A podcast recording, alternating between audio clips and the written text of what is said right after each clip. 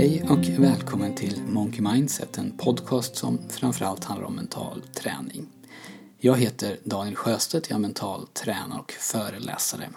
Podden är nu tillbaka efter sommaruppehållet och från och med nu så kommer nya avsnitt att släppas varje torsdag.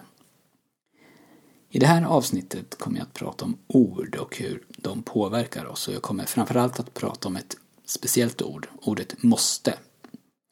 Jag har ju varit inne lite grann på det här i mina tidigare poddar, att ord är viktiga, att sättet som du kommunicerar på, sättet som du pratar med dig själv på styr både hur du uppfattas av andra och hur din egen inställning till saker och ting blir. Jag har kort tagit upp det här med svårigheter och utmaningar. Det är populärt att vilja se svårigheter som utmaningar för man har lärt sig att det är en bättre inställning att ha. Och visst stämmer det väl att det är så. Om du medvetet tränar på att förändra ditt förhållningssätt åt det hållet, att du tänker på svårigheter som utmaningar, så kommer det över lite tid ge resultat och jag gissar på både din prestation och på ditt allmänna välbefinnande.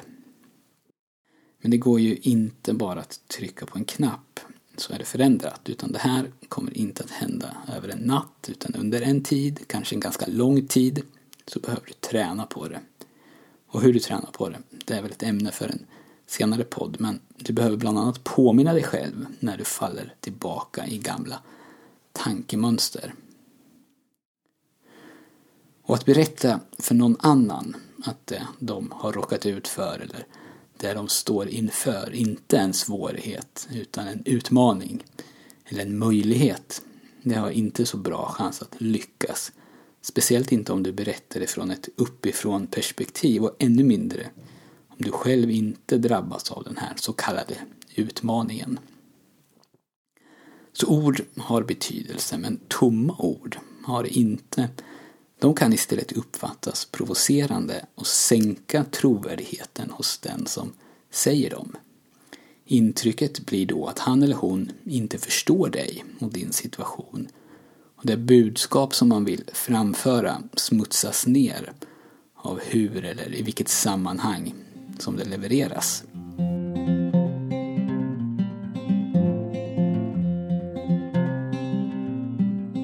Måste är däremot inte ett tomt ord, tvärtom så är det ett väldigt laddat ord och många av oss säger det och tänker det många gånger per dag. Våra liv är fyllda med måsten, både på jobbet och hemma. Och vad som händer när ordet måste används, det är att det skapar omedveten lydnad gentemot regler eller auktoriteter. Och de här reglerna och auktoriteterna, de kan vara både verkliga eller påhittade. Det kan alltså vara en chef som säger att du måste göra si eller så, men det kan lika väl vara så att du handlar på grund av plikt eller vad du uppfattar som oskrivna lagar eller för att alla andra gör det eller för att det alltid har gjorts så. För att du vill passa in kanske, eller göra andra nöjda. Och de här andra som du vill göra nöjda, de kanske när du tänker efter inte alltid är så lätta att definiera vilka det är. Det kan vara det som du uppfattar som samhällets förväntningar, hur man borde vara eller hur man borde agera. Och allt det här händer ju utan att du eller jag tänker på det. Vi lägger inte bara en praktisk aspekt på våra handlingar utan vi lägger i någon mån även en moralisk aspekt på det vi gör.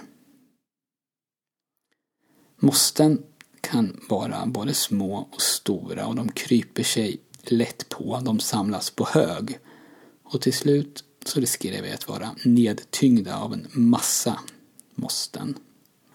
Och om du uppfattar att du måste göra någonting så betyder ju det att du inte kan påverka. Beslutet huruvida det här ska göras eller inte, det är redan fattat. Din frihet och ditt självbestämmande har begränsats. Och det spelar ingen roll om du vill göra det eller inte. Och det spelar inte ens någon roll om det ger dig något värde eller inte. Om du känner att du måste göra det så upplever du att du inte har något val. Och att uppleva att man inte har något val det är en väldigt effektiv lust och motivationsdödare. Väldigt få måsten är lustfyllda att göra och när någonting som tidigare har varit roligt omvandlas till ett måste så är risken stor att glädjen att göra det försvinner. Måsten kan också paralysera oss. Jag har tidigare i avsnitt 18 pratat om beslutsparalys. Hur för många valmöjligheter kan öka vår tendens att inte välja alls. Att vi blir så rädda för att välja fel så att vi avstår. Trots att valet att inte välja ibland är det sämsta. Men vi blir alltså paralyserade.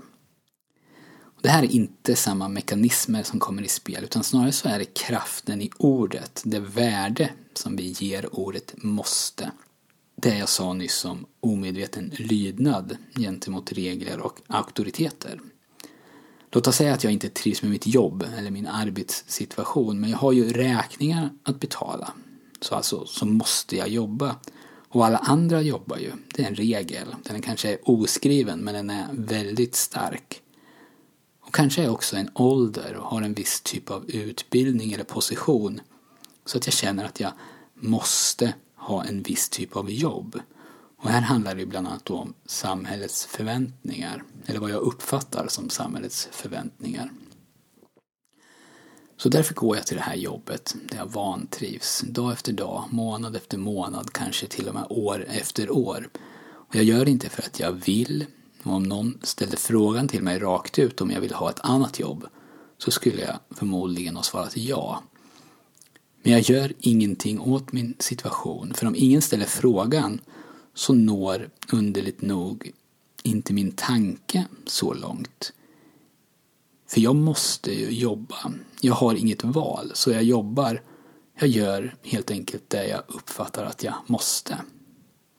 Och nu tog jag ett extremfall för att bevisa min poäng. Och om man tar ett djupt andetag och tittar på den här situationen utifrån så är det lätt att se att det finns alternativ. Att byta jobb är väl det som ligger närmast i hands. Jag måste självklart inte vara kvar på ett jobb som jag inte tycker om. Jag kan i alla fall försöka att göra någonting åt det. Men när man själv är mitt i det, när man redan kanske för många år sedan har slagit fast att det här är ett måste, då finns inte det perspektivet. Och då bryr jag mig inte ens om att hitta några lösningar, även om de för en utomstående verkar helt självklara och även om de befinner sig precis framför näsan på mig.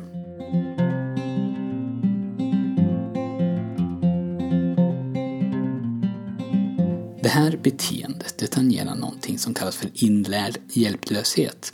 Begreppet myntades på 60-talet av Martin Seligman som är en amerikansk psykolog.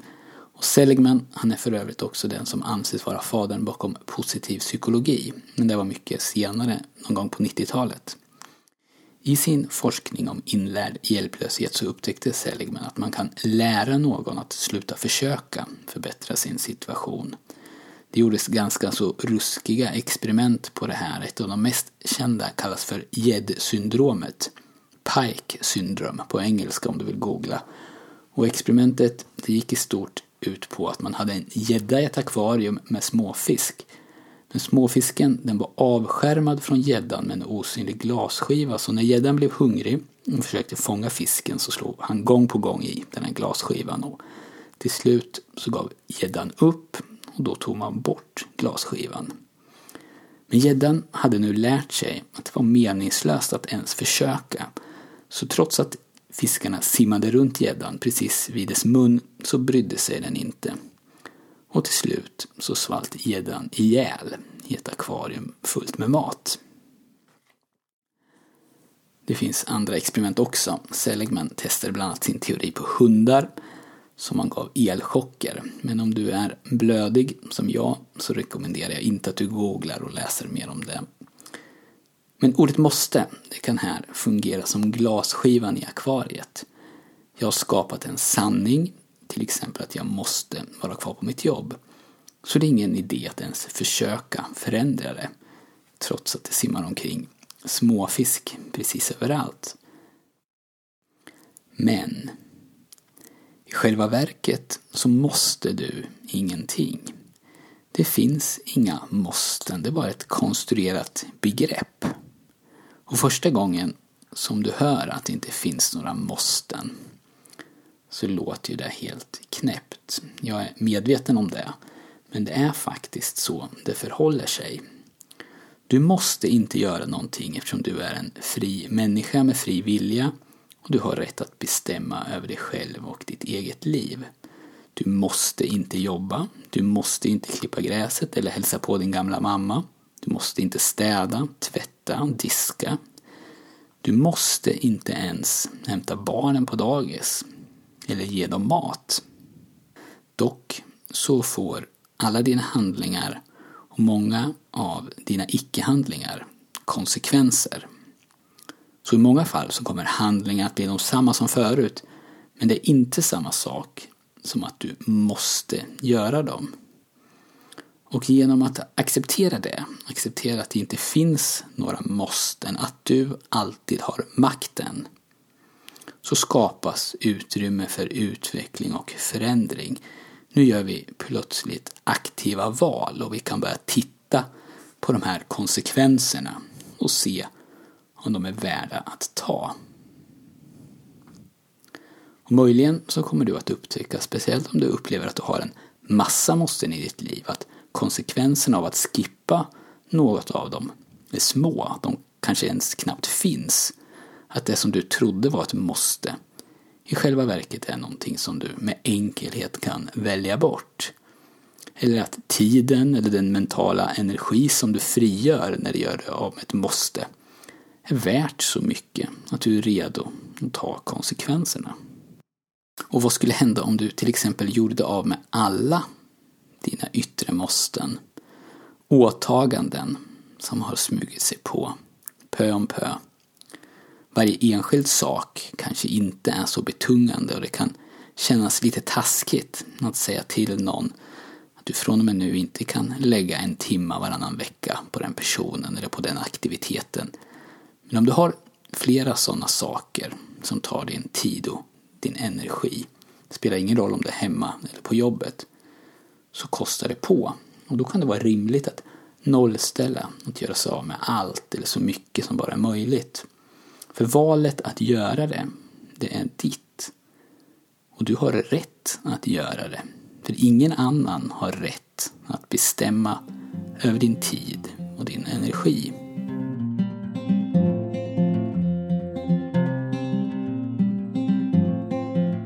Mycket av det som jag har pratat om i andra avsnitt har jag sagt att du behöver träna upp för att kunna få nytta av. Till och med tidigare i det här avsnittet så sa jag ju det. Om du vill förändra din inställning till att i högre grad kunna se svårigheter eller problem som utmaningar så behöver du sannolikt träna på inställning och attityd. Det är inte bara så att du kan trycka på en knapp och sen förändras.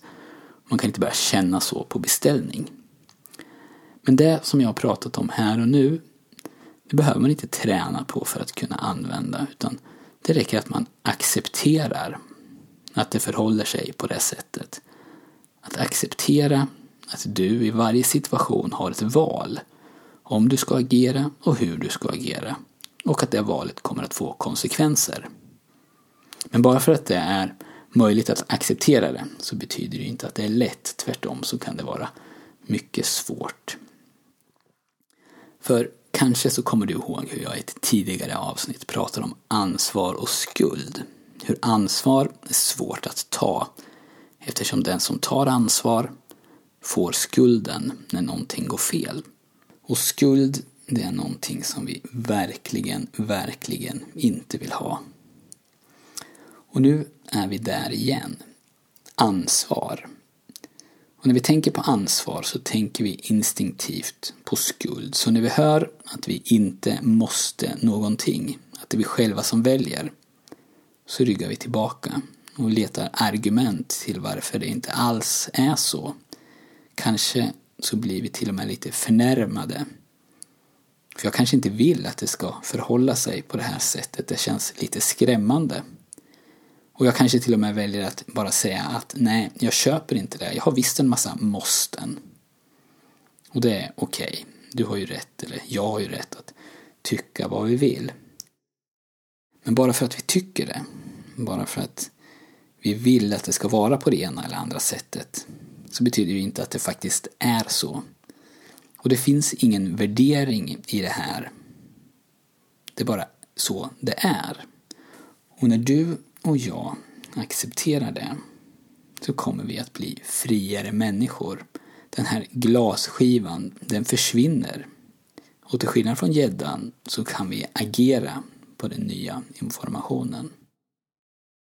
Men det här betyder ju inte att det i alla lägen finns ett rätt beslut och ett fel beslut eller ett bra beslut och ett dåligt beslut. För när du ser på en viss situation så kanske du hittar, låt säga tre olika alternativ och du tycker att alla tre är dåliga. Så bara för att man accepterar att det inte finns några måsten så ordnar sig inte allt automatiskt. Och det betyder ju inte heller att man slutar göra tråkiga saker eller att man slutar känna att livet i vissa lägen suger eller att man aldrig känner sig instängd eller hopplös. Och samma sak med plikt såklart. Man kan kalla det vad man vill. Men vissa saker kommer du förstås fortsätta att uppleva som måsten. Teori är ju en sak och praktik en helt annan. Och det behöver ju inte ens betyda en massa förändringar. Men det kan göra det. Och jag menar inte, också viktigt att komma ihåg, att du nu får en ursäkt att bli mer egoistisk och bara bry dig om dig själv och dina egna behov.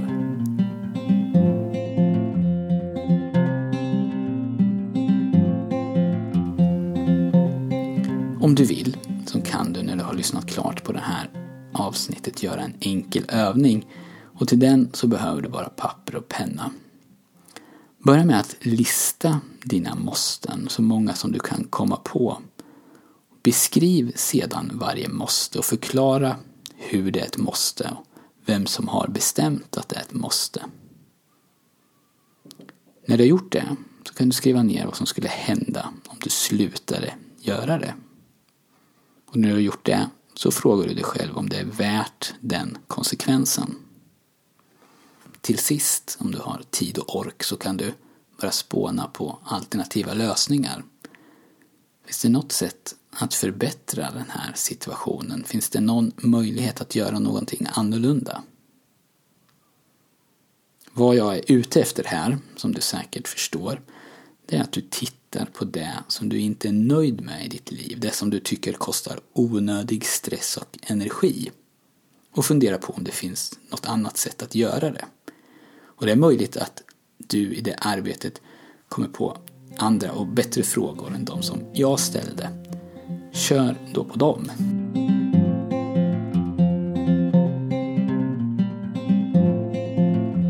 Jag hoppas som alltid att jag har lyckats väcka några tankar hos dig. Kanske kan det här avsnittet få dig att börja titta lite närmare på några av dina måsten. Saker som är så självklara för dig att du varken tänker på dem eller ifrågasätter dem. Saker som du ser som sanningar, precis som gäddan såg det som en sanning. Att han inte kunde fånga småfiskarna.